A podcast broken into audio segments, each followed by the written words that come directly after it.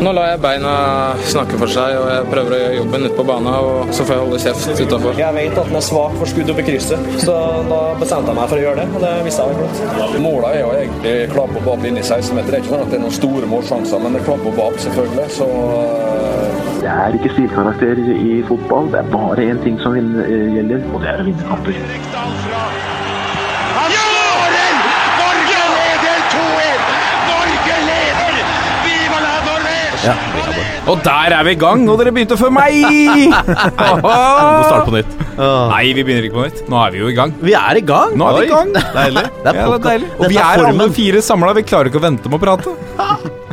Lasse Wangstein, velkommen tilbake fra Velkommen laksefiske. Takk for det. takk for det Var det en slags rekord, den fisken det var bilde av? Nei, nei, nei, nei, så langt derfra. Det var jo bare en, eh, en helt vanlig kilosørret. Det er deilig. Ja, for du er den typen som slipper fisken ut igjen? Det hender, ja. Ja. jeg spiser ørret òg, altså. Ja. Men uh, da gjerne de litt mindre som passer i sånne små turpanner. Er ikke det litt sånn eh, liksom, det samme som å skåre mål på fotballbanen og så ikke gidde å juble ordentlig, tenker jeg da. Mm, Liksom, nei, jeg fikk den svære fisken, men jeg slipper den ut i Ja, elva. men Tenk så gøy det... å ta den fisken da året etterpå når den er enda større. Det tenker jeg. Jeg Ja. tenker Jeg, at jeg er veldig sær på det. Det er litt som å få med dame hjem og så bare kose. Ja, det Der skjøt jeg fra hofta. Ai, ai, ai. Det er. Nei, uansett. Jeg har også fiska i sommer. Ja, du har du fiska litt? Ja, også. jeg fikk mye større fisk enn deg. Torsk på sju kilo. Oi, yes da. Ja da. Det er ferdig med det. Videre. Gratulerer. Takk, takk. Jeringen Kjernås, du er selvfølgelig også med. Jeg er også med. Velkommen. Takk for det. Takk Har du gjort noe gøy siste uka? Nei, egentlig Nei? ikke. Men uh, vi har Ikke har- noe fisk? Nei, ikke nå, men jeg må si at jeg fikk faktisk flere fisk enn uh, min uh, samboers far. Eh, da vi var på Bømlo i sommer. Og han er, jobber jo faktisk på fiskebåt. Ja. Så det skal sies at han jobber som kokk der, da. Men eh, fortsatt jobber du på fiskebåt og får eh, færre fisk enn en amatør som eh, står og vikler snøret inn i seg sjæl, så, så er det litt pinlig likevel. Han er imponert nå. Ja. Var han sur? Nei, jeg tror ikke det. Men det, det er klart at uh, man måtte jo komme med noen slengebemerkninger da. Sånn på vei hjem. Og ja, det, var kjekt, det var kjekt at noen oss sørga for mat på middagsbordet i dag. Og det, ja. Men Lasse, Lasse, vi har deg tilbake. Du har blitt introdusert med litt eh, fiske og litt her og der. Har du hatt det fint? Vi har jo allerede prata om alle våre sommerminner. Ja, nei, jeg hadde det kjempefint. Eh, litt fiske i starten av sommeren, som sagt. Og så eh, dro vi på da med noen uker, eller i noen uker blir feil å si, men jeg har vært litt Kaptein Sabeltann og en tur hos svigers i Brønnøysund og Det har vært veldig fint, egentlig. Har det blitt noe fotball? Jeg har sett litt fotball. Jeg har det, altså. Det må, jeg, altså Svigers er en sånn veldig fotballfamilie, så vi ser fotball. Ja, det er fint. Ja. Har kanalen og sånn, så får vi liksom sett. Kan dere diskutere og krangle litt? Og Ja, vi kan det, for det, det er jo sånn når du bor i Brønnøysund, så er det egentlig to lag. For de klarer liksom ikke helt bestemme seg. Det er Bodø-Glimt og Rosenborg. ja. Ja, for de er jo helt sør i Nordland. Ja, det er jo det, det er midt i landet. Ja. Så de er sånn, de, de heier selvfølgelig på Rosenborg, for det er det beste laget. Og må heie på det og Champions League og hele Norges og sånn. Ja. Men så er liksom Bodø-Glimt det er nordlandslaget, så de heier jo liksom på Bodø-Glimt òg, da. Så det kødder jeg jo litt med, selvfølgelig. At de ikke klarer å bestemme seg der. Og så eh, får jeg alltid høre det, selvfølgelig, fordi at Rosenborg alltid er så jævlig mye bedre enn Vålerenga. Så det er jo ikke Det er egentlig bare kjedelig. Det er egentlig bare kjedelig. Håvard Lille, velkommen tilbake. Tusen takk. Har du hatt en fin uke?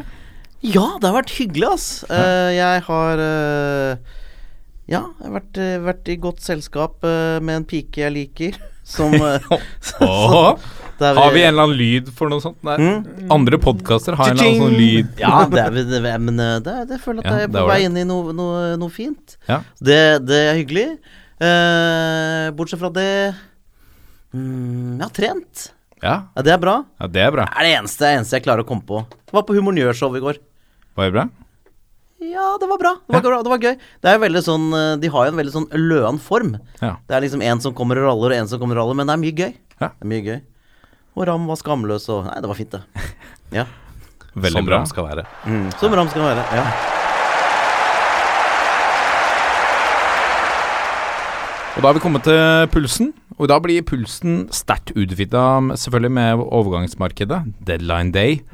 Litt mindre oppmerksomhet rundt deadline day, eh, kanskje i Norge, enn det er i England. Men det har vært mye aktivitet. Ja, Er, er, det, er det historisk mye aktivitet i et uh, sommerbyen? Jeg syns det har vært masse. I hvert fall på veldig, siste veldig dag. i sommervinduet. Ja. I går så kunne faktisk TV 2 rigga til et studio med norsk deadline. Ja, det det, hadde funka i går. Jeg Et stikk til TV 2. tipper de nesten kunne gjort det, hadde ikke vært for altså, det, OL tar mye av kreftene, og det er masse mann som jobber med det. Så det, du ser jo at de har nedtona alt av tippeligasendinger og sånn nå, mens Rio er sentrum for idretten i verden. Og så skal de jo ikke ha tippeliga neste år, så de er ikke Nei. så opptatt av å Det er, det er jo en grunn til at eh, vi får kamper som Viking Sogndal som hovedkamp nå hos TV 2. Det, Ja. Og husk en ting, da. At uh, det er hovedkamp fordi at han går på en åpen kanal klokka åtte. Men uh, det er jo ikke førstevalget. Nei. Førstevalget går jo klokka seks på søndag på Ja. betalt-TV. Jeg har faktisk sittet som eh, for eh, ja, det blir med en 10-12 år siden, som eh, da jeg jobba som eh, løpegutt i NFF, sittet i resepsjonen på Fotballforbundets lokaler på Ullevål stadion eh, siste dag i overgangsvinduet, for da går det på rullering. Så du sitter her hele natta. Det er Og det er ganske gøy å Ja. se litt uh, sportslige ledere som kommer løpende inn. Da husker jeg han derre Per eh, eh, Per Ove Ludvigsen kom løpende inn. Per Han skulle signe Eirik Bakke. Han var helt svett i luggen, har flydd ned fra, fra Bergen. Fantastisk. Ja, det er, Da måtte du levere det personlig også. Ja. Det vet ikke åssen det er nå. Jeg aner ikke. Nei, nå er det vel noe sånn TNS, eller hva hva det? T, ja. ja, du må ha registrert det i systemet innen 23.59.59, Ja. og da skal det gå greit. Det er ganske fint å møte personlig, men noen gang. Med papira. Nå er det klart. Papira.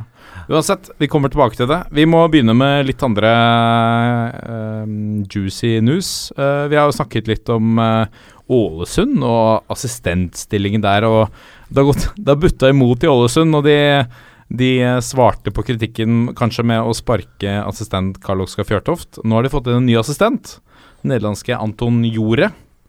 Han kjenner jeg ikke til. Nei, Umiddelbart. Nei, jeg tror det Jeg er ser, han har jo en morsom karriere. Ja, få høre. det- Nei, jeg- han starta jo da, står det her på nederlandsk Wikipedia, i den store klubben VV Dongen. Allerede sånn liker jeg han fyren. trenertype. Så har han vært innom Ado Den Haag som assistent. Qatars U17-landslag. Al-Arabi i Qatar har han vært eh, assistenttrener og juniortrener i. Og så har han vært litt innom Kasakhstan. Litauen har han, har han vært i. Han har faktisk runda Baltikum, for han har vært innom Estland også, og Oi. Latvia. Så, og, Han har tjent ja. seg noen grunker i Har han vært i noen klubber som jeg har hørt om? Nakk Breda som ungdomstrener Ja, eh, ganske nylig, men Ja. eh, Men er dette en type Er det en assistentmann vi snakker Er det faktisk en assistent? han ser nå ut som han har vært villig til å ta det som er av jobber, da, på en måte. Men det, Jeg må innrømme at når jeg så den nyheten, så tenkte jeg at her har vi ansatt en assistent eh, som skal overta etter Fredriksen om veldig kort tid. Ja, men ja, det er jeg er litt enig i. For det, hvor trygt sitter han? Det er veldig pussig hele greia. Og hvorfor sitter han enda? De er jo Men har han hatt hovedansvar i Baltikum og sånn? Der har han vært hovedtrener? ja, litt innom og vært litt teknisk direktør og sånn. Så det, er mye ymse. Det, en bred CV. Det høres vel ut som en mann som er spilt inn av noe agent eller et eller annet. Jeg tror vel ikke kanskje Ålesund har sittet og liksom googla seg fram til at dette er mannen uten Nei. å ha fått noen som peker i retning av han, da. Er han grunnen, Anton grunnen til at eh, Karl Oskar Fjørtoft fikk sparken? Fordi bare nå får vi han eh, Anton uh, gjorde. Nå sparker vi Kaos. Ifølge Fredriksen uh, Fredriksen sier også at uh, dette er ikke noe redningsmann. Uh, det er veldig spesielt å gå ut og melde det at dette er ikke noe redningsmann. Men det er jo en assistenttrener. Ja, nei, det- Og en assistenttrener kan per def ikke være en redningsmann. Nei. Så så jeg Men også, han, men han sa også Sorry, Jørgen, men han sa også at eh, de har jobbet med Anton Jorde i et års tid, og nå var han ledig. Oh, ja. Og da, nå er han tilgjengelig da, for Ålesund. Hvis jeg jobba eh, med ham et års tid, så er det vel en fyr som de vil skal bli hovedtrener. Det virker jo litt sånn. Driver Fredriksen og graver sin egen grav her, eh, Jørgen? Ja, han, jeg så jo også Fredriksen sa noe at ja, minusmenn er Han har, kjenner jo ikke til tippeligaen så godt, og sånn, så det virker jo ikke som sånn at Trond Fredriksen tar bølgen over å skulle få en ny assistent eh, fortsatt. Det, Men tok han bølgen over at Fjørtoft fikk sparken? da? Nei, jeg er usikker på om han tar spesielt mye bølgen, egentlig. nærmere ettertanke, Men det, det virker jo ikke som at det er en fyr som Fredriksen har fått velge selv, i hvert fall. Det hender jo ganske ofte at blir du ansatt som trener, så får du jo velge din egen assistent hvis mm. det går greit. Og Ja, for på Han har ikke den type posisjon i det hele tatt. Han virker jo ikke Han virker som han nå har egentlig fått tredd nedover seg en nederlender med mange land på CV-en, og det, det kan jo hende denne Anton er eh, fantastisk på å analysere kamper og flytte kjegler, men det, jeg vet ikke, og jeg er ikke helt sikker på om Ålesund helt vet det, det gjelder. Nei, og Ålesund som klubb og by var jo et sted som hadde for ikke så mange år siden et fantastisk trøkk rundt A-laget sitt, og det har forsvunnet. Men altså hvis, hvis Ålesund nå redder plassen fordi at de har henta han Anton uh, Jorde, da ble jeg imponert, altså. Redningsmannen. Hvis han blir Som ikke er en redningsmann. Nei, nei, han er ikke redningsmann. Og han Nei, jeg tar ikke bølgen over han. Men Det er klart det eh, er mulig for Ålesund å redde plassen. Ja da. Men jeg tror ikke det er Anton Jorde sitt uh, verk hvis det skjer. Nødvendigvis. Kommer an på hvor bra han er, da. Ja, få se. Det spennende å se. Hvor mye assistent og hvor mye hovedtrener han er. Ja. Hvor lenge Fredriksen sitter. Det er en drøm for tabloide overskrifter hvis han blir hovedtrener. da kan, altså, Helt på jordet. Dra en fetter ja. Anton, eller at han er helt på jordet, eller Ja, men han må bli hovedtrener. da. Ja. Tittelvennlig navn. Det skal de I. Norge er han det. Veldig. Veldig. Vi må videre til uh, Kristiansund, eh, Lasse. Ja. Det har blitt en uh, Nok en gang så tar vi opp i redaksjonen at eh, det er feil mann som har blitt utvist. Igjen. Ja, eh, litt Obos-kos. Eh, jeg hørte på en podkast her i forrige uke. Eh, de snakka om en eh, kamp eh, mellom Fram og Tønsberg, hvor det var snakk om en omkamp. Kan ha vært oss. Det kan ha vært dere. Og nå i Obos-ligaen på mandag, da, Kristiansund-Sandnes Ulf, eh, så leder Kristiansund da topplaget i Obos eh, kampen 2-1. Så smeller Kammer eh, Kaka, er det sier jeg Kaka? Chaka? Kaka, kjaka, Ja, ja. ja. Tidligere Vålerenga. Ja, tidligere Vålerenga-talent. eh, verdens beste eh, norske unggutt omtrent, uh, i enkeltes øyne. Um, smeller til en takling. Uh, dommer gjør en kjempejobb og gir fordel. Lar spillet gå videre. Bare veldig bra løst. Og så skal han løse det med det gule kortet, som han da gir til Tor Erik Torske, som hadde gult fra før. så da blir han vist ut. Det er igjen en halvtime av kampen. Eh, Sandnes Ulf snur jo dette, da bl.a. med at Kammerkaka lager straffe til 2-2, og så skårer Sandnes Ulf helt på slutten og vinner 3-2. Og Men- da, ja Det er jo kampavgjørende. Protester eller eh, det Ja, Kristiansund har lagt inn protest Ja. i etterkant. Men underveis i kampen? Ja, det var, pro det var protester. Ja, for at det, da, det ble Det leste jeg at det var Han fikk rikelig med, med mulighet At benken sa tydelig fra at dette var feil, så han må jo ha tenkt at de var verdens største løgnere.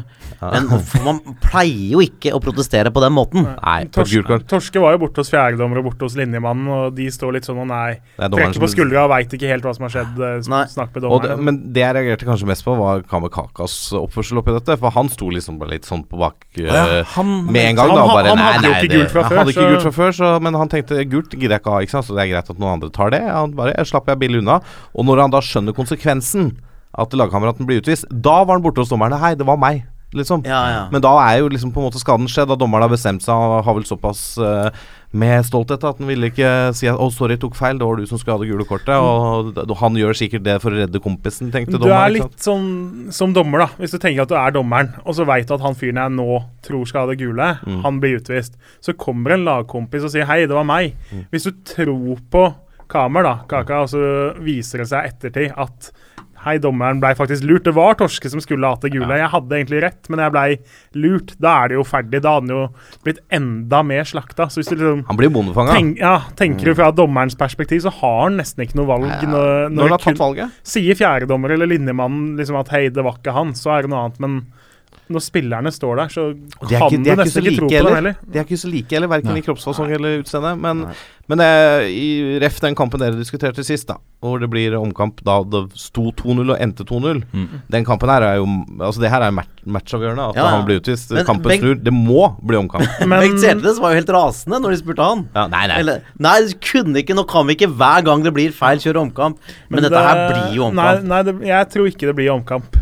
Oh. Fordi eh, altså det er et eller annet med Jeg er ikke noe jurist, men eh, det har litt med de lovene å gjøre. Altså, for her er det en dommervurdering underveis, på en måte. Sist gang så var det et rødt kort som ble glemt å bli gitt, på en måte. Og det er, uten at jeg kan forklare liksom alle nyansene Men sånn som det har vært før, da, det har jo skjedd før. Det er, skjedde i fjor òg, så var det en Sandefjord-spiller som ble utvist eller for et par år siden, som også ikke skulle hatt det kortet, det var en lagkompis. Eh, og, og da ble det ikke omkamp. Så det å vise ut feil mann har skjedd før uten at det har blitt omkamp. Kortet blir strøket og alt sånn, men Ja. jeg, sånn som de situasjonene her har vært før, så blir det ikke omkamp. Selv om, når man tenker på det sånn, det er jo vel så matchavgjørende, burde det jo blitt det fra et sånt eh, hvor matchavgjørende er det perspektiv. Men det er jo sånn som du sier da i forhold til at dommeren har tatt avgjørelsen. For det, det er jo ikke videodømming i norsk fotball. Eh, så du kan stryke et kort, uh, men du kan du, du får ikke omkampen, eller du kan ikke gjøre om hvis han har tatt det valget. Men hvis noen har gitt en albue som han ikke har sett, da kan du gå inn og videodømme spilleren på den albuen og gi en karantene for den. Men hvis han har fått en eller annen straff for det underveis, selv om han bare får gult kort og det burde vært rødt, da kan du ikke gi en karantene etterkant, for dommeren har, dommeren har sett det og dømt det. Det Så det er vel det som skjer, da. Men uh, eneste unntaket var vel at de klarte å ta Heinz Miller uh, for noen år siden, fordi eh, For det Det blei vel frispark Ja, der hvor den uh, meide ned Jon Midtønli. Eh, Ja, fordi der Mm. klarte de å skjule seg bak en eller annen paragraf om å sette fotballen i vannrygget, eller et eller annet sånn. det klarte han jo fint. Ja, ja det, det klarte den. Nei, det er, det er veldig spesiell og, veldig spesielt, og det er, det er litt uh, det er jo kampavgjørende. Det er Ja, kampavgjørende det som fy. Definitivt! Ja. Ja, men det er jo tenk, det også, Nå slakter vi dommeren her, da, Kim Rune Borgersen, men tenk så kjipt for han i etterkant. Han, Ja, ja, ja. han må ha skjønt det ganske tidlig at faen, her har jeg gjort feil. Ja. Så går i garderoben etterpå, så bare Du veit at du har gitt feil mann gult kort, han har blitt utvist, og kampen har snudd, de har tapt pga. det her. Han har, har nok ikke hatt uh, sin beste dag på dommerjobb. Nei. Det kan vel hende han får et par kampers pause, han òg. Det gjør får han. ringe Tom Henning Øvrebø og høre hvordan det er å ha det tøft etter en uh, dømt en match. Ja, Kanskje det- flere norske dommere som har vært med på det. Ref Chelsea. Men sånn fra et sportslig perspektiv, da, hvis vi tenker ingen av oss har veldig sterke følelser for Sandnes Ulf eller Kristiansund eller noe, så er det jo fint for Obos-ligaens jevnhet i toppen, da. Tenk om opprykket deres ryker pga. dette. Kristiansund topper jo kunne hatt sju Ah. poengs luke igjen, og Sandnes Ulf kunne vært hekta i direkte opprykk. Nå er det liksom tettere. Det er seks poeng mindre mellom de to lagene enn det Ja. det kunne vært. Så, Som Håvard sier, da. Tenk om. Ja. Nå ryker opprykket. Det På grunn av de poengene de tapte i den kampen. De, så var det jo interessant òg, apropos det her med protest. Lokalavisa Tidens Krav ringte alle trenerne i førstedivisjon. Spurte hva syns du burde blitt omkamp. Og Da var det jo Jerv og Levangers trenere, som jo kjemper om opprykk og ligger og håper å komme på direkte opprykk. Nei, de syns ikke det. Fordi det er klart, De syns jo dette resultatet var fint, mens alle andre mente at jo, dette burde bli omkamp. Så, Her er, er, er sportsmanship er det dødt. Er vi ferdige? Ja, for det, apropos, vi Ja. skal videre til en, eh, en eh, sak til. Uh, ja, eller to saker To som saker er til. så godt som like. For det lørdag så spilte Skedsmo borte mot uh, Haugeseter i tredjedivisjon. Uh, Skedsmo er et topplag der, leda divisjonen eh, før den kampen. Vant greit 4-1. Eh, så viste det seg at en mann de satte innpå, Niklas Amundsen, han kom inn på kvarter før slutt. Da leda de allerede 3-4-1, de vant 4-1. Han skulle egentlig stått over med karantene, for han fikk sitt tredje gule kampen før. Uh, protesterte jo da etter kampen og får sannsynligvis tre poeng. For det som er, Du soner jo for det tredje, hvert tredje gule, eller tre, og så fem og sju. Eh, men han fikk et gult for andrelaget tidligere i sesongen.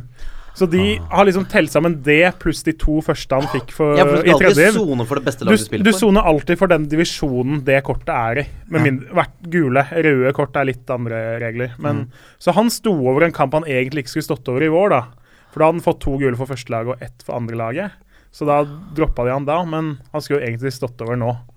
Og så skjedde akkurat det samme nesten på Sørlandet, hvor Fløy i en fantastisk kamp slo Vindbjart 4-3. Fløy leda 3-0.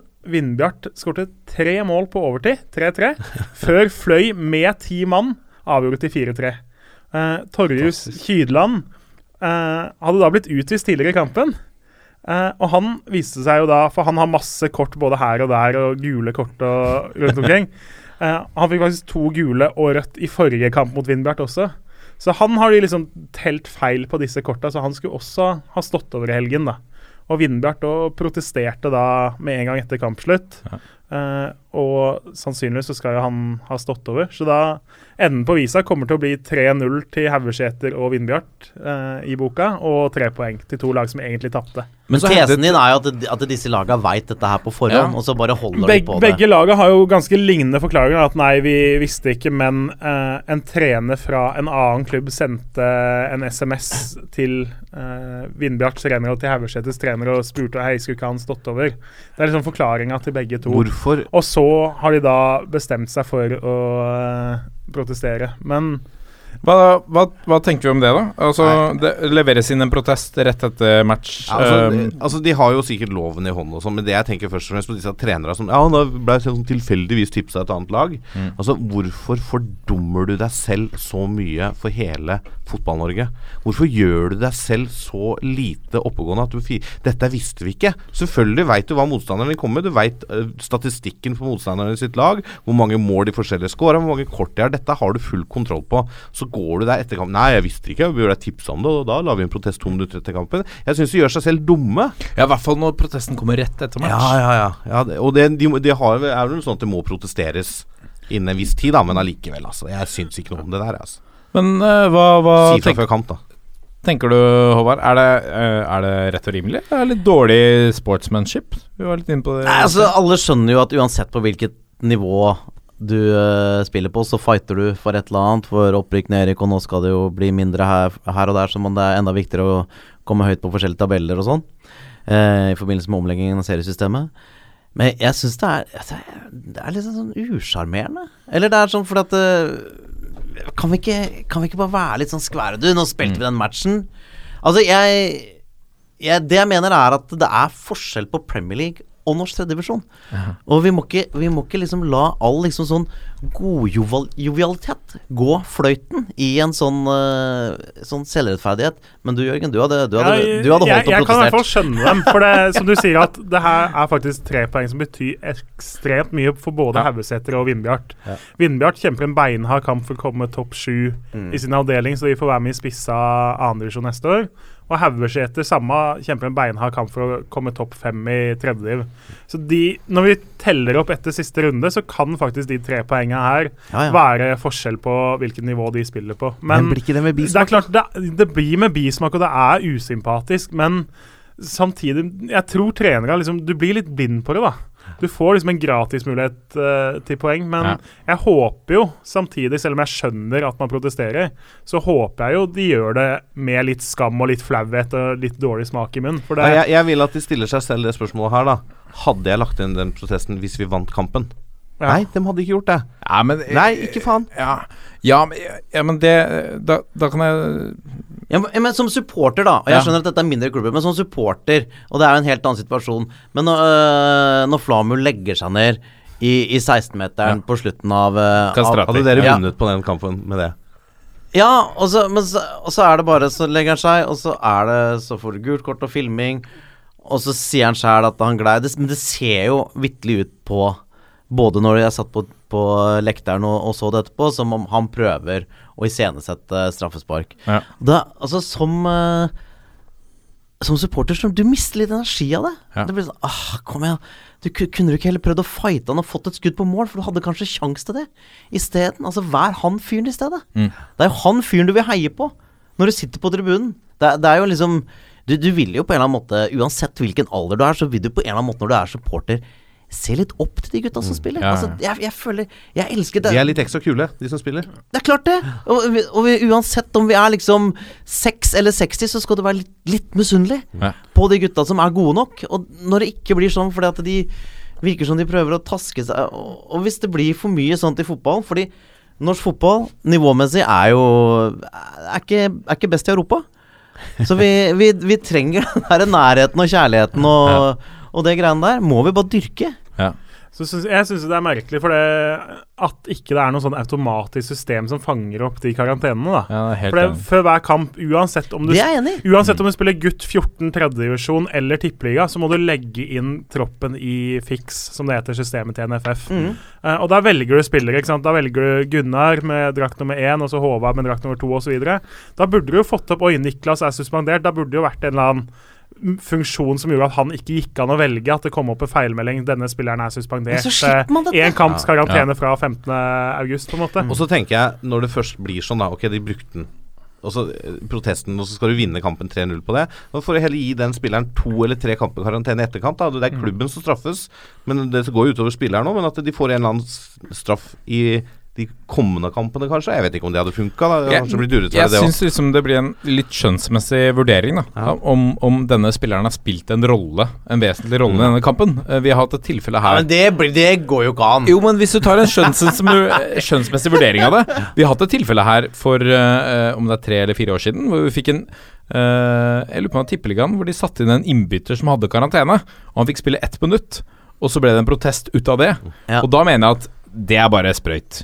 Men her, hvis det er en spiller som har spilt minimum en omgang Jeg trodde du mente om han har vært god eller dårlig i kampen. Ja, han fikk Sitte og vurdere!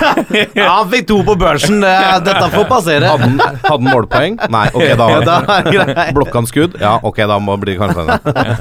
Men det er klart, altså, Spesielt Haugesæter, som lå under Jeg tror det var 1-4 da denne Amundsen kom innpå.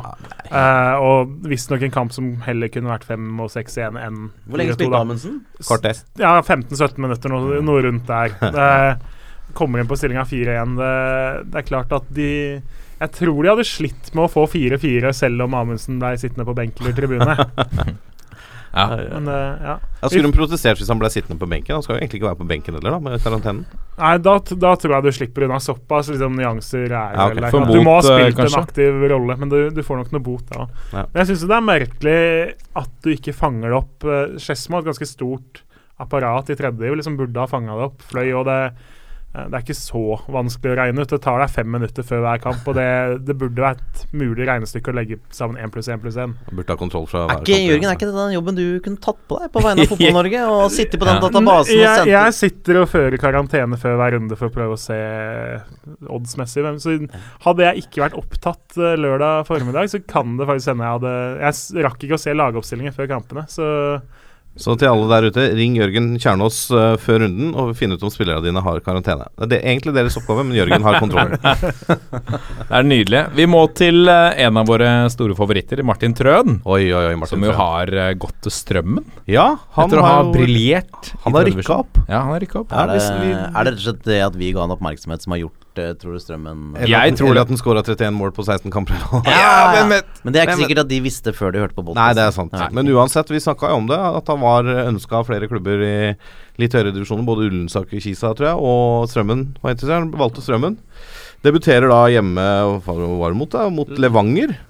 Eh, kommer inn etter 61 minutter, og da etter 70 og 71 så skårer han to mål. Vinner 2-1. Det var debuten i Obos. Han her lukter mål, ass! Lukter mål. Nå har han ikke skåra på de neste to. ja, altså, Til og med inne. målløs i en annenlagskamp her Ja. i tredje. Så det Så- er, Man trenger bare litt tid bak Ja. Nye lagkamerater, klubb. Man veit jo hvor målet står, Ja. fortsatt. Og jeg, jeg mener fortsatt at det er vår foreløpig soleklare kandidat til årets uh, Jamie Vardy. Ja. Han, eh, men han må, eh, han må komme på banen, da, for at han må takte et snitt her. Han, Ja, det, det vi også må huske, da at Vardy sleit også mye lavere divisjoner før han, uh, før han blomstra. Det er riktig. Og han er late bloomer. Kanskje Martin Trøen er vår neste landslagsspiss. Oi, det var gøy. Å, det har vært gøy. Ja, og, og tenk hvis noen hadde sagt det om Jamie Vardy for noen år siden. Alle hadde ledd. Ja. Det kan skje. Og så kan vi da si dere hørte om han først på toppfotball. Ja, vi var der. Vi har hørt det. Veldig bra. Noen uh, flere ting på pulsen før vi går til uh, overgangene? Nei, jeg kjenner pulsen ble litt høyere, bare med å tenke på overganger, så Ja. kan vi ikke gå videre? Vi må gå på overganger. Øke pulsen litt. Uh, vi kan jo begynne med Skal vi begynne med eh, Jeg har notert meg Stabæk. Altså, her har de tatt et eh, De har tatt et uh, Se nå blar gutta febrilsk i arkene. Ja. Eh, Han, jeg syns det er interessant å se liksom Stabæk på siste dag. da Så Jeg henter jo Alansinho og Mohammed Keita tilbake. Ja. På, eh, eh, så Sånn sett så ser det jo litt vinner ut, men så går jo spillere ut også, da. Uh, men det er klart, Alansinho Det er fantastisk spiller da han var her sist. Det, det var jo gøy. Alansinho Altså, Alansinho, han var så god på kanten, han. At, eh, at Bjørnar Holmvik fikk eh, millionlønn i Brann. Fordi, fordi både bekken og kanten var opptatt med Alansinho, så han fikk bare stå i fred og slå langpasninger. Og, folk trodde han kunne hva som helst. Så han eh, Altså, altså Bjørnar Holmvik, han har mye å takke Alansinho for. Jeg tenker jo med Alansinho, det er litt sånn Det er fallhøyden nå, da. Nå har han gått uten klubben jeg vet ikke hvor lenge, kanskje siden i vår bare. Men liksom skulle bare trene litt med Stabæk, for han var i Norge likevel. Jeg tror han har norsk kjæreste. Eh, Han, hadde i jeg lurer på om han kom med agenten, så Ja. Men, Men uansett, ja. det er jo litt fallhøyde der nå, da. Var liksom uh, det store stjerna på Men de må jo ha likt den på trening, da! Ja, klart det. Han er, men han har jo noe ved seg. Ah, han, han er vakker. Har nær teknikken. Og, Og han er trenger kjærlighet. kjærlighet. Det er det han trenger Det får han mest i av alt. Ja. Uh, men ikke sant, så ser du hva, hva som har gått ut av Stabæk, da. Mm, Nicolay Næss mot å hente inn han der eh, Markus Nilsson. Jeg mener jo Næss, i hvert fall eh, 2015-Nicolay, var, eh, er en bedre spiller. Kanskje ikke noe pluss der. ja, Ness er god. Eh, og så mister Ernestad Sante, som også vel hadde en noe bedre sesong i fjor enn han har hatt i år. Ja. Men de mister jo den der kontringsstyrken og den farta, da. Ja. Keita er vel ikke like rask? Keita er ikke like rask. Eh, Ke- Keita har jo Altså Det kommer litt an på hvordan Stabæk vil spille. Keita har jo veldig gode individuelle ferdigheter. Eh, men Keita spiller jo også først og fremst for Keita. Ofte. Eh, Er det en bitter mann vi hører nå? nei, nei, nei. nei, nei. Vi, jeg syns vi har signa fint. Vi har gjort det fint i overgangsvindu. Vi har ikke gått i minus. Vi har fått fine nye spillere. Dette Ja. her kommer til å gå bra. Men Eh, Stabæk nei, men det er alltid litt trist når Drammensgutter forsvinner. Men det syns jeg. Godset Er Keita Drammensgutt? Keita er Drammensgutt, Ja, Okay, ja. ja Drammen. Men Godset har eh, prøvd å gå i minus etter Valsvik-salget. Altså Du kjøper Kristoffer Tokstad for fem millioner og Glesnes for tre. To-tre. Mm. Så sånn seks-åtte millioner. Ja, ja, men de, har- de har penger igjen, skjønner du. For at de fikk Ja, okay. over ti for Valsvik. Ja, ja. Men er Kristoffer Tokstad verdt fem millioner norske blanke Det kommer litt an på hvordan du ser på det. For eh, altså Godset kjøper jo en del spillere som er sånn typiske proffprospekter, ikke sant? Eh, som de kjøper unge. Eh, I begynnelsen av 20-åra. Eh, Tokstad er jo litt eldre. Han er 25. Eh, så jeg tenker da fem, Nydelig alder, ikke sant? Eh, og litt annerledes. Godset kjøper ofte yngre for å utvikle. Tokstad er litt ferdig vare tippeligamessig. Solid tippeligaspiller. En veldig god atlet. Eh, så jeg tenker at enten så får du fem gode år fra han, og da er jo Syns jeg Det er nedbetalt. Ja, da er fem mil fint. Eh, eller så begynner Godset å spille ordentlig godsefotball igjen, og da kan godt Tokstad gå, skjønner du. Ja, okay, ja. Og da er det butikk. Det er klart, Både han og Ulland Andersen er jo inne, og som er rene kantspillere, begge to. Eh, nå gikk jo Keita ut, eh, Kastrati gikk til Ålesund, og Storflor er jo på siste verset nå. Han begynner jo å bli en gammel mann i fotballsammenheng. Så Godset måtte jo ha kantspillere. Men vi har det en annen meget god kantspiller som er skadet. ja, Tokmak, men Ja. han, han er jo tross alt mye skada. Du må Ja. ha mer enn én Ja, ja, ja. uansett. Så eh, jeg skjønner jo at Godset har henta kantspillere når de har muligheten nå, men eh, om de har henta liksom godt nok til å For Godset-lista ligger jo på hvert fall bronse nå. Såpass høyt må man jo Jeg, jeg tror ikke det Sikte- med, med BP liksom sikte så- ute igjen og Nei, den kanskje ikke i år, men liksom sånn framover, da. På sikt så skal vi være topp tre, topp om fire. liksom Ulland Andersen og Tokstad er medaljespillere, om, eller om de er sånn gode nok for å klare seg middels i Tippeligaen, det er jo på en måte der du må måle godsespillere nå. Og det jeg er litt usikker på om de er de som løfter deg opp til topp tre, eller ikke. Men Ulland går- Andersen er jo fremdeles ung òg. Altså en fin spiller å utvikle videre. Så øh, Men går det an å si, når, når vi har spilt 20 kamper og Godset ligger på fjerdeplass, og det er to poeng opp til Brann, går det an å si at Godset ikke er på jakt etter noen bransje? Altså, Ja, det blir jo bare teit. Ja, men det har jo altså, Da har du ikke ja, ja, men- ambisjoner, ja, da. Nei, men, du, ja, men Godset kan ikke tenke sånn nå. For nå er jo Godset nede i en gigantisk bølgedal, og det funker ikke for klubben. Uh, uavgjort mot uh, bunnlaget Start nå, en, altså, og Start fortjente uavgjort. Og du har den der leie tendensen med, med Godset nå, at eh, de spiller alltid best i første omgang. Og da får du alltid inntrykk ah, Hvorfor er det ingen som klarer å justere på de riktige tinga og gjøre at vi kan være minst like gode i andre? Eh, sånn at eh, Og så har jeg har inntrykk av at Godset kanskje har en del humørspillere òg. Og nå gikk han en til Ålesund, da, men eh, Ja, det er kanskje en til Stabæk eh, Ja, kanskje en til Stabæk òg, men så har du en en spiss der, da. eh, Markus Pedersen. Og så har du han som kommer inn for Markus ofte, Tommy Høiland. Jeg kan ikke si noe annet enn at det er litt humørspillere. De trenger å være Ma Markus er humørspiller. eh, og på, på godt og vondt. Ja, altså, du vet jo Når Markus er draget, så får du jo fantastiske ting.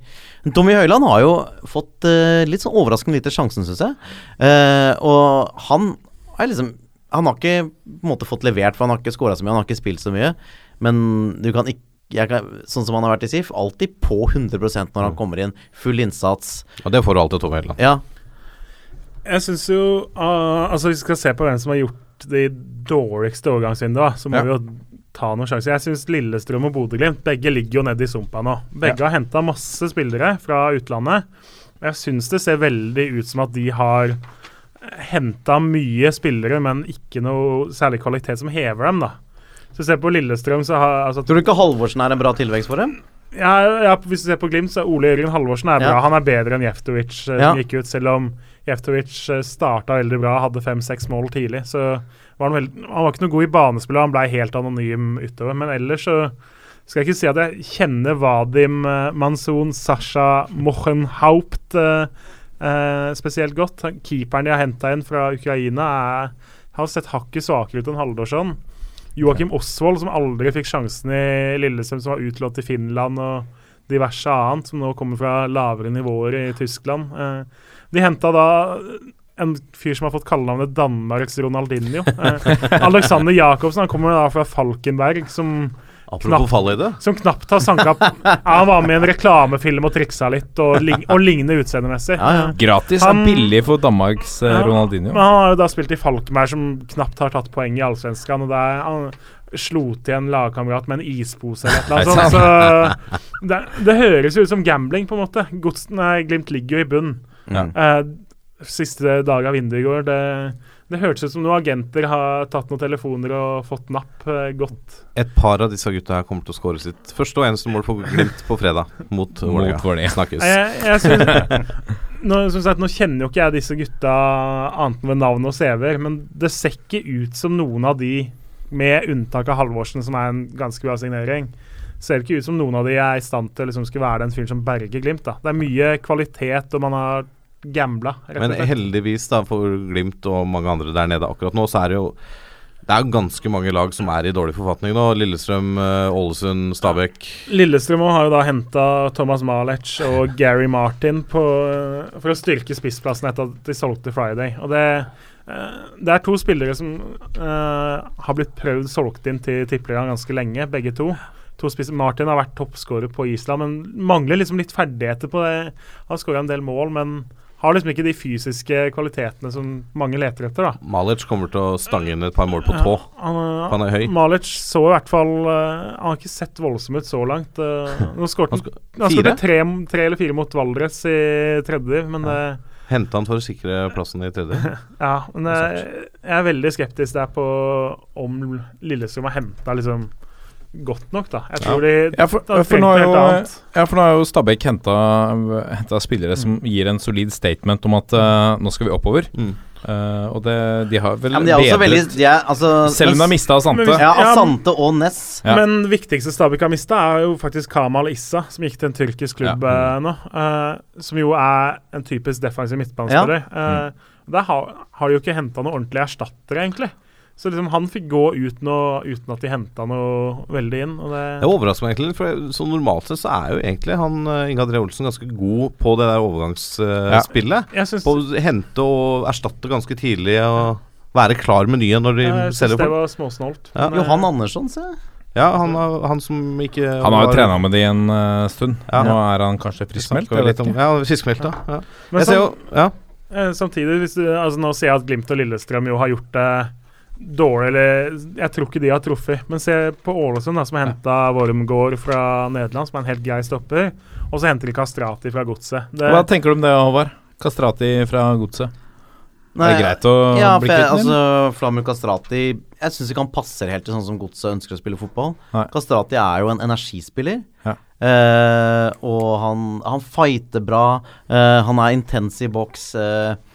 Men jeg synes det som er med Kastrati, er noen ganger så kan du se at han klarer å få en sånn nydelig gjenvinning på energi. Men da er han alltid så sånn Føles som han skrur seg så veldig sånn høyt tenningsmessig. Sånn at han ikke har den lugne oversikten i neste situasjon. Sånn at, altså En uh, virkelig god spiller med, som ville jo hatt energi til å vinne ballen, og så fått overblikket til å enten spille eller gjøre det rette valget. Jeg, jeg syns Flamur Kastrati er litt for dårlig for Strømsgodset. Ja. Kanskje det er akkurat det. Ålesund trenger da i nedrykksstriden? Ja, de trenger energi. Ja. Eh, Ja, for at jeg tror at i uh, Godset ønsker jo å spille en litt sånn Har jo en litt sånn tydelig preg på hvordan fotballen skal spilles når Mm. det sitter. Og da trenger du enkelte spilletyper. Uh, men hvis du har som Ålesund, da, som på en måte De trenger jo direkte spill, energi, fighting uh, og solid defensiv organisering. Da kan Kastrati være fin, han. Ja, jeg tror, tror Kastrati er bra for Ålesund. Altså, det er han uh, Wormgård og Kastrati inn. Jon Arne Riise som la opp i hermetegn. Mhm. Eh, Martinussen og Gruppen ut. Det, de, de går, jeg syns Ålesund går i pluss, da. Selv om sånn generelt sett så har Men de går vel- ikke kjempepluss. Nei, de går ikke kjempepluss. Kanskje ja, pluss-minus. Jeg syns uh, beste vinner, kanskje. Jeg syns det er tre som stikker seg ut. Men jeg syns kanskje altså Rosenborg, hvis du skal måle på hva du har fått for penga og styrke stallen, da. Fordi Dorsin la jo opp tidlig i vår. Ja. Emil Nilsen fikk jo aldri sjansen bort uh, fra første runde i cupen, og sånn, så han er jo et glemt kapittel allerede. Riku Riski fikk det aldri til da man sendte til Odd. Uh, og så Isteden har du henta en Erik Botheim fra Lyn som er 16 år nå og ikke er å tenke på i tippeligaen ennå, men som fra sin uh, årgang er den mest spennende spilleren i Norge, og som Mm. kan bli skikkelig skikkelig god om tre-fire år. Eh, og så har de jo da fått tilbake Bakenga. Greit at han ikke lyktes i Molde, men det, uh, så langt så har han gjort det helt OK i Rosenborg. Han fyller ut liksom bredden. Han, er, han kosta jo nesten ingenting nå.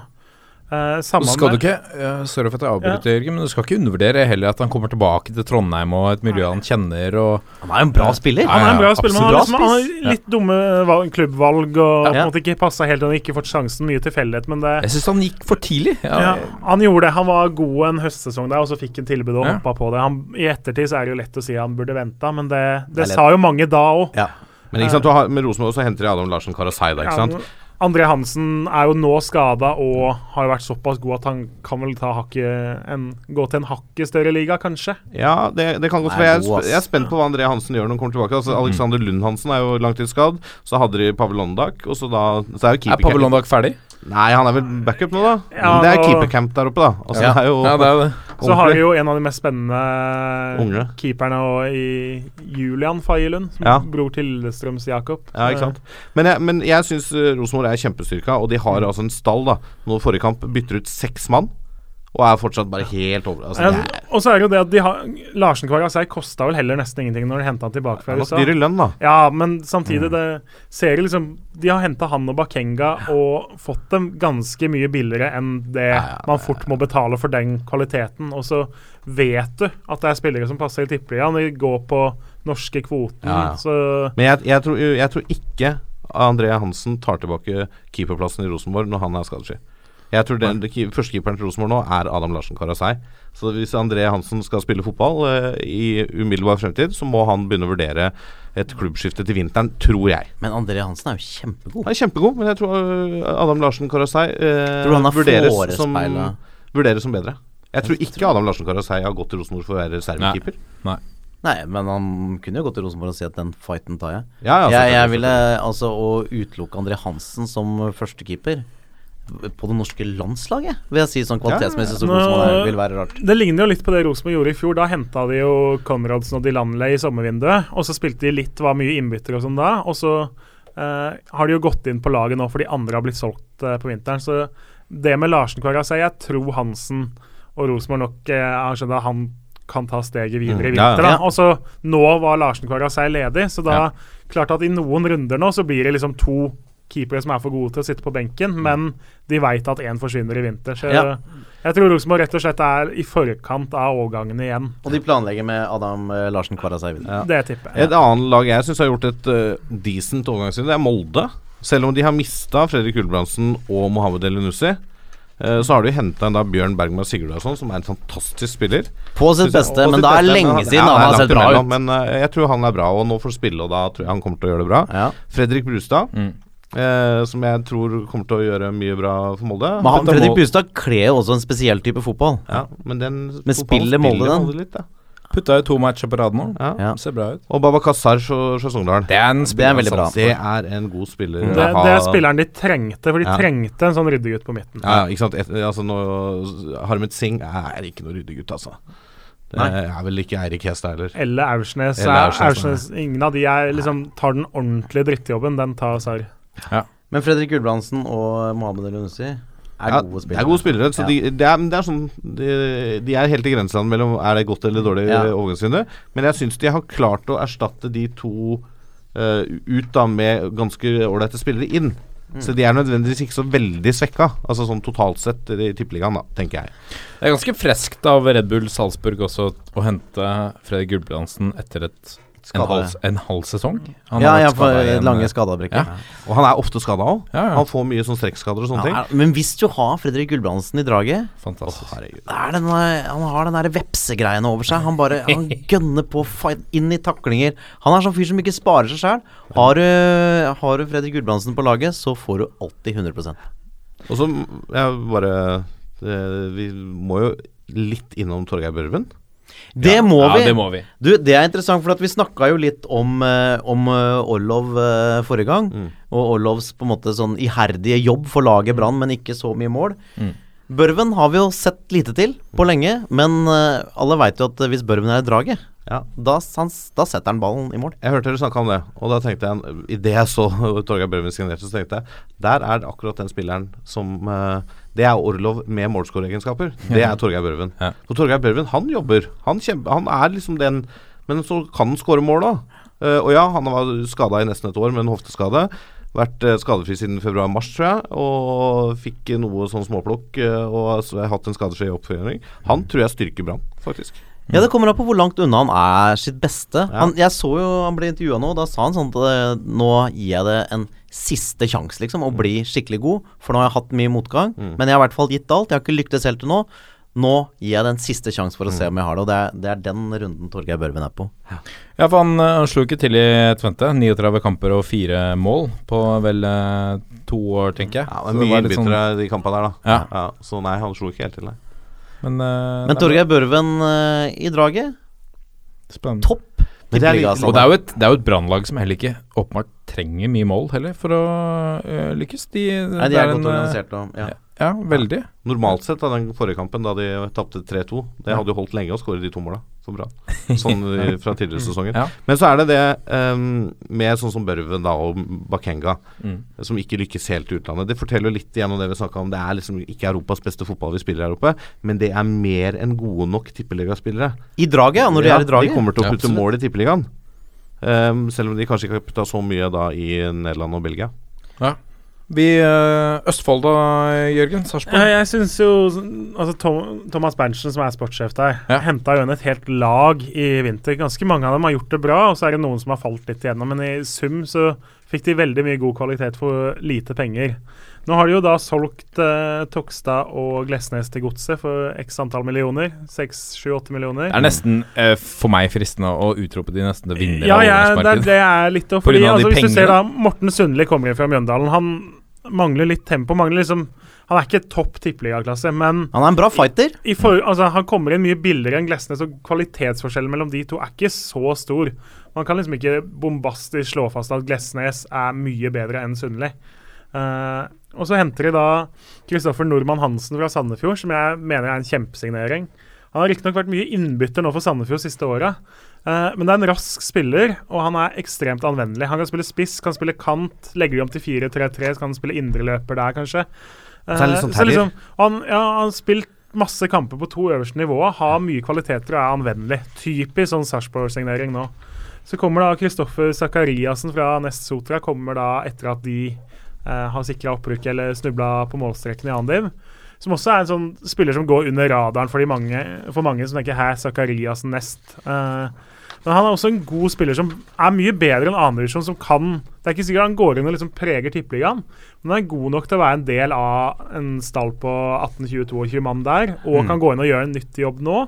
Og så kan han liksom i løpet av et år eller to eller tre være en bra tippeligaspiller i tillegg. Kommer gratis da. Og de, Så- En spiller de kan forvalte òg, og kanskje selge liksom, på sikt. De gjør det ikke spektakulære og henter ikke navn som får supporterne i Sarpsborg til å liksom gå i mangar og juble rundt stadion, men uh, de henter kvalitet eh, og henter anvendelighet, og så selger de dyrt, de spillerne de selger. Mm. Så jeg, jeg er imponert over det de har gjort. Jeg tror ikke de tjener på det i høst, men om et år eller to så tror jeg vi kan si at det her var veldig lurt gjort, og de fikk masse penger igjen for det. Og så har de jo faktisk såpass brei stall rundt midtbanekant der at de klarer seg uten Tokstad. Altså Mm. De har spillere på benken her som er mer enn gode nok til å gjøre en jobb som Tokstad har gjort. Men Tokstad har vært viktig for dem òg. Ja, han hadde fire mål og tre assist. da Ja. Tre av måla kom borte mot start. Eh, så han, eh, han produserer jo ikke i hver kamp, Tokstad. Men han produs har produsert noen mål. Det har han gjort. Ja.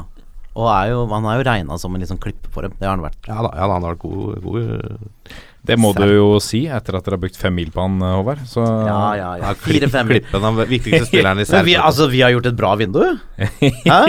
ja. Gustav Walsvik, Ja. solgt for uh, gode penger. Jeg var litt skeptisk til Walsvik-salget. Ja. Uh, jeg- det, det, hvis jeg, jeg skal kritisere ham for noe, så syns jeg at uh, Jeg syns det burde vært sånn at idet Walsvik gikk ut døra, så burde Glesnes vært rett inn.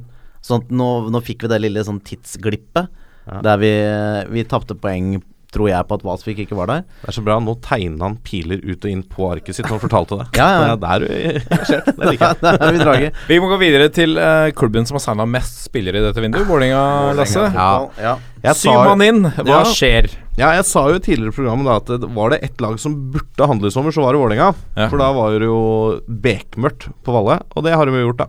Ja. De har hatt et pip åpent vindu. Uh, det begynte jo da med at de henta Henta Samuel Fridjonsson fra Redding, en islending. Han ble skada på trening nummer tre eller noe sånt, ute i ni måneder med korsbåndskade. Snakkes. Eh, og så henta de Magnus Lekven fra Esbjerg med fire landskamper. Kjempespennende spiller. Eh, altså Han er 28 år, Ja. eh, fin alder på midtbane. Jeg ser for meg at han er henta fordi at han skal ha den midtbanerollen som Grindheim har nå, eh, fra neste år. Han har vært innbytter i de første kampene. Eh, og Henrik Kjelsrud Johansen fra Odd. Eh, backup på Moa, som er litt i draget nå. Eh, også bare vært innbytter. Jeg liker integreringen til Vålerenga. For tidligere enn Vålerenga har henta spillere, så har det vært uansett om det har vært lån eller kjøp eller hva som helst, de nye spillerne skal spille med en gang de er rett på laget. Og så er her liksom, Det tar litt tid å integrere seg i spillestil, nye lagkamerater og alt. Nå får de noe innhopp her og der og sånn. Jeg liker det. Mm. Og så i går, da. det var jo da det skjedde, på deadline day. Da henta de jo det jeg vil si for fremtid. Henter tilbake Markus Nakkim fra Strømmen, eh, som har vært på lån i Strømmen og spilt 17 kamper og skåra to mål der. Midtstopper, for å ha litt dekning på midtstopperplass. Niklas Gunnarsson gikk til Djurgården. Eh, han Enar Jeger er skada for resten av sesongen. Uh, korsbånd der òg, tror jeg. Eh, og så var det da Ernest Agiri fra Manchester City Ja. på lån. Han eh, Med en gang jeg leste, så leste jeg på lån ut 2017 sto det. Og da tenkte jo jeg 2016, så jeg tenkte halvtårslån på en sånn 18-årig ghaneser som skal in integreres. Men nei, det er halvannet år. Og der tror jeg vel det er litt den der Deila connection mot City. Så Ja, den for det er spennende. Hvor Ja. mye har han hatt å si her? Jeg tror? Deila har hatt masse å si for alle Ja, disse disse signeringene her, ingen Ja, ja. av de hadde blitt signert hvis Så- ikke Deila ville ha det. Ja, så kom jo i går altså, Thomas Elsebutangen fra Porsche, Ja. som er en ung kantspiller som herja i tredje da de rykka opp i fjor. Kan spille spiss. Ja, De hadde jo han og han Stefan Mladenovic uh, sørga jo for at Porsche rykka opp i fjor. Nå har de gått til Odd og Warringa og er fortsatt unge. Mm. Eh, Magnus Grødem har spilt masse i Bryne eh, Hatt siste masse beilere. Han, han er litt høy til å være kantspiller. Litt, ser ikke ut som en kantspiller, men har masse kvaliteter. Jeg tror det er en kjempesignering av Vålerenga. Må være deilig for Magnus Grødemo å bli kvitt nedrykksgreiene i Bryne og komme til hovedstaden. Ja. Nei, jeg, jeg er ikke sikker på hvor mye han får spille tippeliga i, I år, år, men jeg er ganske Nei, sikker på at Oslo. er... jeg er ganske sikker på at om tre år så kan vi konkludere med at Grødem Fy søren, tenk at de fikk han så billig. Han Altså- har kontrakt som går ut ved nyttår, hadde han i Bryne, så han kom jo for Ja. veldig lite penger i forhold til hvor god han kan bli. Fire mål og fire assist på det desiderte bunnlaget i Obos. Det er ikke halvgærent. Jeg ser for meg at han er henta litt som Jeg vet ikke, jeg. Men uh, uansett, han er spennende spiller. Og, og, og han, Elsebutangen, og så henta de Kristoffer Hai, 17-åring fra Hønefoss. Jørgen, Ja, han, eh, han, har jo fått, han fikk spille en del i fjor i første divisjon, da de kvitta seg med alle til sommeren og nedrykket ble klart på en måte utover høsten. Mm. Eh, så har han spilt litt tidlig i vår, men han hadde litt høye ambisjoner. Han ville vekk etter at han satt noen kamper på benken og eh, liksom følte seg litt for god for Hønefoss akkurat da. Så det, som Hønefoss-patriot så var det ikke supersympatisk oppførsel. Hvor han har flydd rundt vært i prøvespill i Godset, vært i prøvespill i Tromsø. Men det er klart at Vålerenga får inn en 17-årig midtstopper med erfaring fra første og andredivisjon. Han har ikke noe å si for tippeligaen men Vålerenga vil berge andredivisjonslaget sitt. andre Ja. lag der. Ja. Og så I tillegg så spisses Integrets, altså juniorserien, neste år.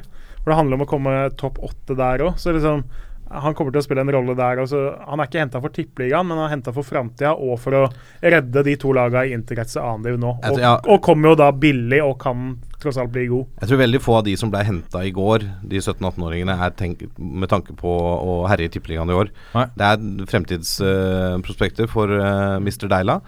Uh, som noen av de kan bli veldig bra. Noen som du sier for å redde plassen i andre divisjon ligger på vippen der med å komme topp sju. Eh, og litt integrert Så det, det er noen spennende, spennende navn der. Altså, det er det, helt klart. Og så har vi mista da DeShorn Brown. Det, erstatteren der er vel egentlig Kjell Johansen, da. med- Men etter han gikk, så begynte å snu Moa, for Vålerenga. ja. ja, og Moa, da, som plutselig har kommet er Begynner å ligne seg sjøl fint, eh, igjen. Sist som en som liker norsk fotball, så er det er deilig å se Moa tilbake i draget. Ja. For en nydelig, nydelig spiller han er. Altså. Hæ? Og, og han han også er ikke bare målskårer, men den der fightinga, den der gjenvinninga. Men også bevegelsene Ja, men, altså, Han er liksom Han er er en deilig spiller. Ja, veldig deilig spiller. Elias Mar Omarsson på lån? Ja, nei. Snakker vi landslaget Nei, du, nei, nei gjør Ikke i år? Ikke i det hele tatt. Nei. Ikke i nærheten. neste året? Eller er det ferdig? Uh, nei, jeg, jeg vil ikke snakke inn Moa på landslaget i det hele tatt. Han, nå skal han bare fokusere på Vålerenga og være frisk i Vålerenga og spille fotball. Det hørte det, Moa. Moa, du får ikke lov å spille på landslaget med det første. Er han 30 eller 31 nå? 30. Men Jeg, altså, Nei, Han, han blir 31, han. Vi 30 85-modell. i oktober. Stemmer. Ja, nei. Men um, jeg har en spiller til som jeg syns er litt spennende. Bare sånn helt til slutt. Haugesund. Ja. Liban Abdi Ja. Fra Levskisov. Ja. Mm. ja. Det er, er ikke veldig mange år siden det var en form for kampanje i en av Norges største aviser for å få denne mannen på landslaget. Den glemte utenlandsproffen Ja. i Portugal her. Eh, det var vel sikkert én eller to journalister da som hadde bestemt seg for at den mannen her Han var helt King Kong og skulle på det norske landslaget. Særlig vel- siden det norske landslaget ikke Det har, det har ikke gått på skinner. Nei, nei, det har ikke det. Nei. Men jeg har vel enda til gode å se av det jeg har sett av han i Haugesund, at han nødvendigvis bør spille mot Tyskland i september. ja. Nei. Nei, men det er vel ikke derfor han har hentet til Haugesund heller. Er Han kan vel gjøre en jobb i Haugesund, det skal, kan vi si. så Haugesund har gjort mye. De har liksom klart å reise seg. Men det er spennende å se nå med Haugesund, nå som uh, Dempsey er ute. eh, hva slags høst de får. Eller så må vi ta med et uh, tips fra en uh, Twitter-følger. Takk til deg, Lars Fiskekjønn. Uh, Eiger. Tredjevisjon har vi snakka om før. Ja. Nå har de henta en tidligere Barcelona-spiller. Oi! Det er, det er heftig. I tredjevisjon så er det sånn at i topp fem Er det ikke det, Kjernås? Topp fem Ja, klubbene? to- Topp fire berger garantert, og så åtte av ti femmere i de avdeling én til ti berger. Så Og akkurat nå så ligger Eiger på, på femteplass. Så nå har de henta Alfie Conté Lasalle. En, eh, en spiss som har eh, Han putta 13 mål Nei, han putta 8 mål på 13 kamper på Barcelona B i 2005. Det er ryddig stats. Det begynner å bli no, noen år siden. Det er en liten stund siden, men altså Dette her er jo en fyr, ikke sant. Eh, Dårlige, dårlig tider i Spania. Bra fotballspiller. Ja. Jeg drar opp dit, spiller litt tredjevisjonsfotball. De ordner meg en eller annen jobb, Ja. så kan, familien min kan ha det greit. Mm. Det er, dette her dette, Nå spilte han riktignok i Andorra sist, så han kommer ikke direkte fra Barcelona. Nei, nei, nei. nei. Men, eh, men eh, det, er, det er lurt av han å etablere seg i et land med, selv om ikke alt går på skinner i Norge, men såpass uh, trygg og stabil økonomi, da. Ja, abs Ja. absolutt. Noen andre Er ting vi vil eh, trekke fram fra vinduet, herrer? Er det ikke noe, er det ikke noe mål nede i divisjonen da, Jørgen? Er det ingen som scorer masse? Jeg tror faktisk ikke vi har noen ordentlig gode historier nå, men det, det må vi jo prøve å dra Overgangsvinduet er stengt. Ja, Deadline Day har uh, overskygget alt uh, de siste Storskårere! Jeg vil ha storskårere! Får det neste gang. Får det neste gang, Håvard. Da kan vi ringe gjøre litt research, så skal vi Julie. Johnson inn hos Start. Nå redder de plassen. Nå Å, Stakkars Start. Jeg må si, uh, nå var jo vi Vi var jo historisk dårlige den andre omgangen mot Start nå. Men jeg får respekt for de startspillerne Start-spillerne nå. De er liksom. De, de er dødsdømt, liksom. Og de er bare spiller for spiller for dårlig. Eh, altså Det bør de På en normal dag så skulle jo godset feid over dem. Men de De står på, ass. De, de står Vet du hva? De gutta der, de fighter for treneren sin. Du, vi glemte Comeback Kid.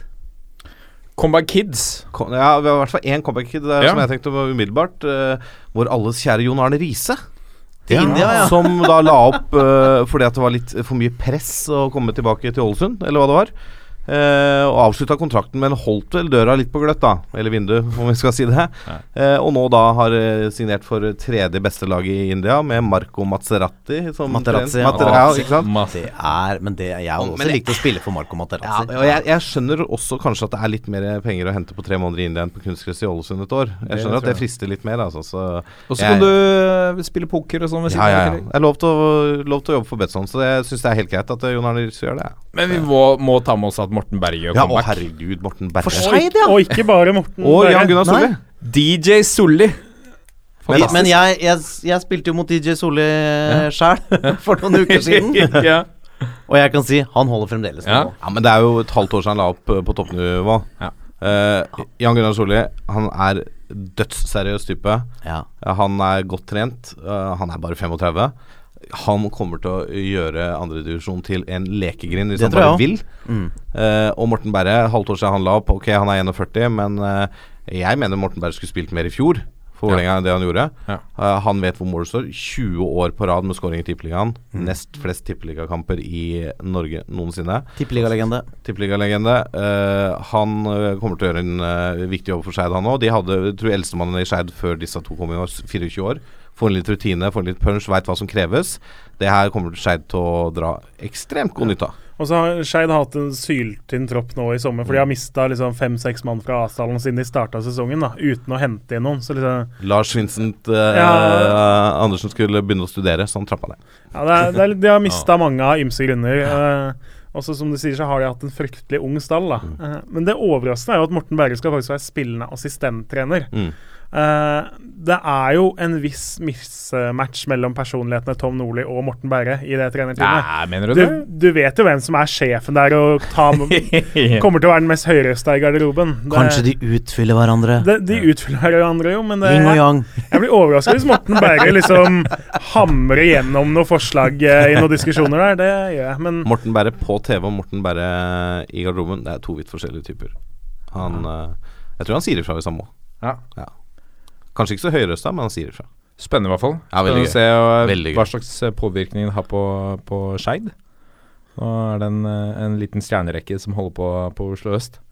Du, men Martin Wiik til KFM Oslo er bra signering. Ja, det er. KFM har jo savna en spiss nå, fordi Ja. Torstein Andersen Aase ville jo ikke være med opp i førstedivisjon. Det var jo for seriøst. Og så henta de Emil Ekblom fra Stabæk, som ikke eh, helt har klart å ta rollen. Så de har liksom De har spilt uten en god spiss uh, i første del av sesongen. da Har likevel holdt seg akkurat over streken. Uh, Imponerende. Vik er jo på siste vers og fikk det ikke til i Glimt, men KFM har trengt en god, rutinert spiss. så jeg tror Vik kan være en lur signering der.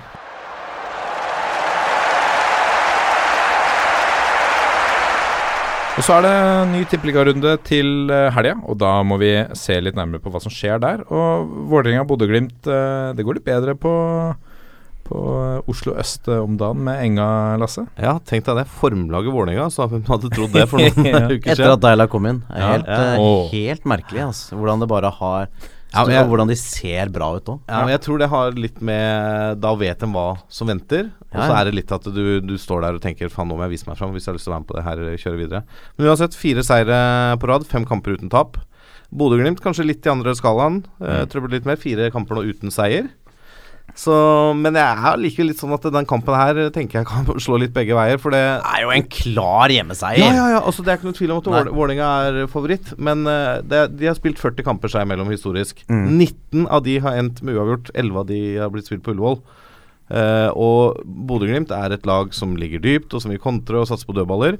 Det kler, som vi har snakka om før, Vålerenga veldig dårlig. Mm. Så hadde denne vært på en tippekupong, så hadde jeg satt HUB på den lett. Ja, og Bodø-Glimt eh, De har kanskje litt mer å fighte for her. Vå- Vålerenga blir nok middelhavsfarer eh, i år. Ja, men det er jo det er bare fire poeng ned til Glimt, da.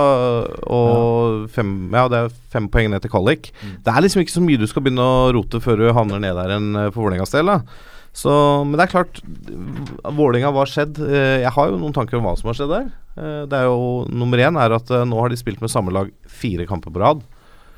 Vi har fått folk som har vært skada tilbake. Det er ikke så mye skader og karantener. Det, du får liksom den tryggheten i det, de faste. Og det er liksom Det begynner å uh, utspille seg noen sånne kombinasjoner på banen der som er, ganske Og du ser, når Kan man bruke sexy om fotball? Kan man si det? Ja, sexy. Ja, men både Moain, som er bra, men også som gjør andre bra. Ja, det, det gjør han. Og så har du høyrebekken Robert Lundstrøm, som kommer dundrende ned kanten der. Og han skyter innlegg foran mål, som Moa bare kan styre i mål. Mm. Den kombinasjonen er bra. Lundstrøm har seks her sist i år, som back. Uh, Assist-konge i Vålerenga. Det er meget bra. Giyas Sahid begynner å ligne på den han var i Ja, 2014. han har sett veldig bra ut nå. Uh, det er liksom Også midtbanen her med Grindheim, Sander Berge og Wayeba Sakur.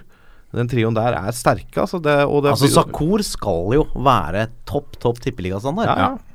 Yes, ja, og ja, nei, det er bare Og så tror jeg også det Han førstekeeperen vår, Markus Sandberg, ble jo skada i generalprøven, så han var jo ute hele vårsesongen. Har nå spilt de siste kampene. Jeg tror han skaper en litt annen trygghet der. Um, og så Simon Larsen har plutselig blitt liksom forsvarssjef. Og det samarbeidet mellom han og Wæler er kjempespennende. Så det er liksom mye som har klikka på plass for Vålerenga de siste ukene, Ja. som gjør at det ser mye, mye mer lovende ut nå, og på sitt beste nå. Uh, når Vålerenga angriper, og noen av de angrepene de har levert i de siste rundene, har jo vært helt magiske, rett og slett. Så det er gøy- å se på. Bodø-Glimt, da? Levner du de noe sjans? I Tippeligaen eller i kampen? Nei, i kampen, først og fremst. Eh, I utgangspunktet så ville jeg jo sagt nei. Nei. Eh, fordi hvis Vålerenga er på, som Ja. de skal være, og Bodø-Glimt eh, er på det nivået de har vært i de siste kampene, så skal Vålerenga vinne den kampen. Det er greit. Klasseforskjell. Det skal være klasseforskjell. Men det er som jeg sier, kontringssterkt lag legger seg bakpå, satser på dødballer. Eh, kler Vålerenga litt dårlig. Eh, så det er liksom Vålerenga øh, har ikke råd til å senke seg ned noe i forhold til hva de har gjort i de siste kampene. Det må være fullt trøkk og øh, punch for at det skal vinne den kampen her. For det forrige gang øh, i fjor på Ullevål så endte det 2-1 til Bodø-Glimt, og det var ikke veldig fortjent, men de fikk mål da. Det Ja. fikk ikke Vålerenga. Så nei, det er spennende kamp. Det jeg gleder meg. Veldig bra, Håvard. Mm. Sarpsborg 08 mot uh, Godset. Ja, det er jo Hva tenker du? klar- Kommer de til å snu det nå? Altså, de ligger jo Det, det er veldig rart at vi sier at de skal snu det, for de ja, ligger nei, på fjerdeplass. ja men, de har, men poenget er jo at det har skjedd litt sånn rart altså Det har flere som har tapt poeng de siste. Odd har, eh, har begynt å lugge, og, og Brann har kommet liksom bakfra. Så derfor så, så ser på en eller annen måte godset sånn plasseringsmessig bedre ut enn de har vært de siste ukene. For det har jo vært eh, det har vært litt sånn lag i oppløsning, altså. Eh, det har ikke vært, noe, ikke vært noe hyggelig å se på. Så Sarpsborg 08 er jo Altså, de er klare favoritter. Ja, Eh, du mener den det? Ja. De har, vært, eh, de har vært bra, de er solide. Vi kan ikke bruke Tokstad i den kampen. Oh. Det er en avtale som er gjort i forbindelse med overgangen, så Tokstad kommer ikke til å Hvis de holder det, da. Det samme skjedde i Sverige når Pa Dibba gikk fra Sundsvall til Hammarby. Ja. Eh, de hadde shaka hands på at han skulle da ikke spille neste kamp, som var Sundsvall-Hammarby, og starta jo da på topp. Men For det er ikke lov å gjøre den avtalen. Enn- Altså det er lov å gjøre en gentleman's agreement. Ja, ja. Du kan ikke gjøre det som en avtale. Nei, nei, nei, men, men de kommer jo til å stå ved den, selvfølgelig.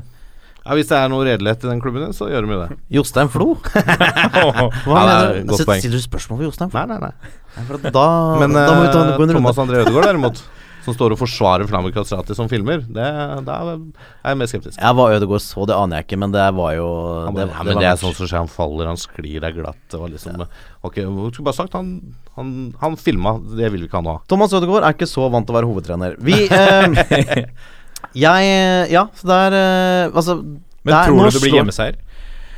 Jeg tror det blir hjemmeseier. Uh, jeg håper jo ikke det. Uh, det. Det som har vært da med, med SIF, er at de har liksom ønska å spille mer sånn tydelig defensivt uh, bakover, ikke sant? Og at Ja. de skulle ta overgangene.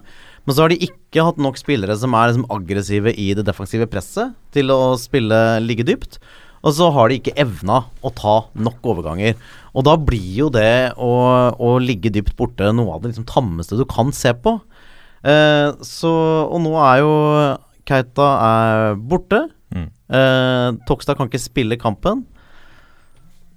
Nei, jeg syns eh, det er klar, klar fordel, eh, et solid uh, Altså er jo eh, Godset er jo ikke kjempegode borte. De er ikke like gode borte, i hvert fall som hjemme. Og Sarpsborg har vært ganske sterke hjemme. Ja. Selv om de tapte. Men allikevel, nå Sarpsborg de to siste, uavgjort uh, tap.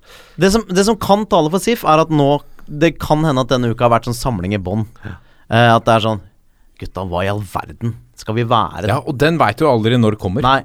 Og, det, og hvis den kommer, og gutta plutselig står fram Men det var veldig sånn Mot den startkampen nå Glesnes debuterer og er vår beste mann. Mm. Og det er jo litt fordi han er en god stopper, men det er også fordi han ikke har vært føler jeg, i den negativiteten som har Ja. vært der de siste ukene. Ja. At han hever seg over de problemene de har hatt.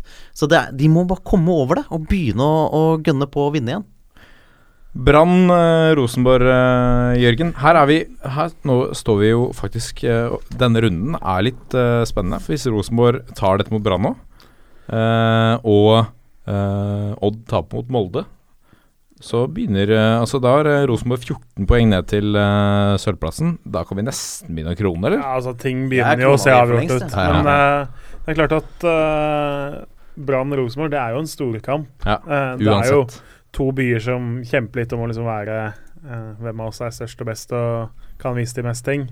Eh, og så har jo Brann hatt en overraskende bra sesong i år, Ja. og Rosenborg er suverene. Så Rosenborg er jo klart favoritter, men nå eh, skal jo Rosenborg Akkurat nå når vi spiller inn, så skal jo Rosenborg eh, spille bort mot Austria Wien i eh, Europaligaen. Ja. Det er klart at når de har den avstanden i serien, og så skal de møte Austria igjen i returkamp nå, så blir jo på en måte Europaligaen akkurat nå de neste åtte-ni dagene hovedfokus. Ja.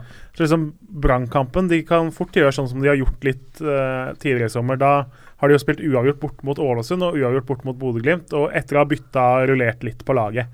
Jeg tipper Rosenborg kommer til å hvile de to, tre, fire som er mest slitne, mot Brann. Og så la de nest beste få spille. Nå har vi jo snakka om at de har en veldig brei stall. og Rosenborg med to, tre, fire innbyttere på laget er fortsatt uh, et klasselag. Mm. Men det er liksom, det, de senker jo prosentene noen få hakk. Så jeg tipper det blir en ganske jevn kamp. Brann kanskje kaster inn på Børven. Eh, tipper det blir få mål, 0-0 eller 1-1. Ja, for du tror ikke Børven starter? Det er jo litt sånn som Vålerenga har gjort nå, la liksom, de få komme innpå og kjenne systemet. Nå eh, har jo Orlov ikke scora, men han fungerer jo ganske godt i systemet. Jeg, jeg tror ikke de kaster inn Børven fra start av, men jeg er helt sikker på at han får 20-30 minutter på slutten. Daniel Bråten gikk ut med skade mot Vålerenga sist. så Spennende å se om han starter, om han er klar igjen. Men altså Han har vært god i Brann. Det er ikke så lenge siden jeg hørte at noen i Bergen begynte å snakke om at nå skal vi ta medalje og nesten begynne å utfordre om gullet. Og da vet jo, da kommer nedturen i Bergen.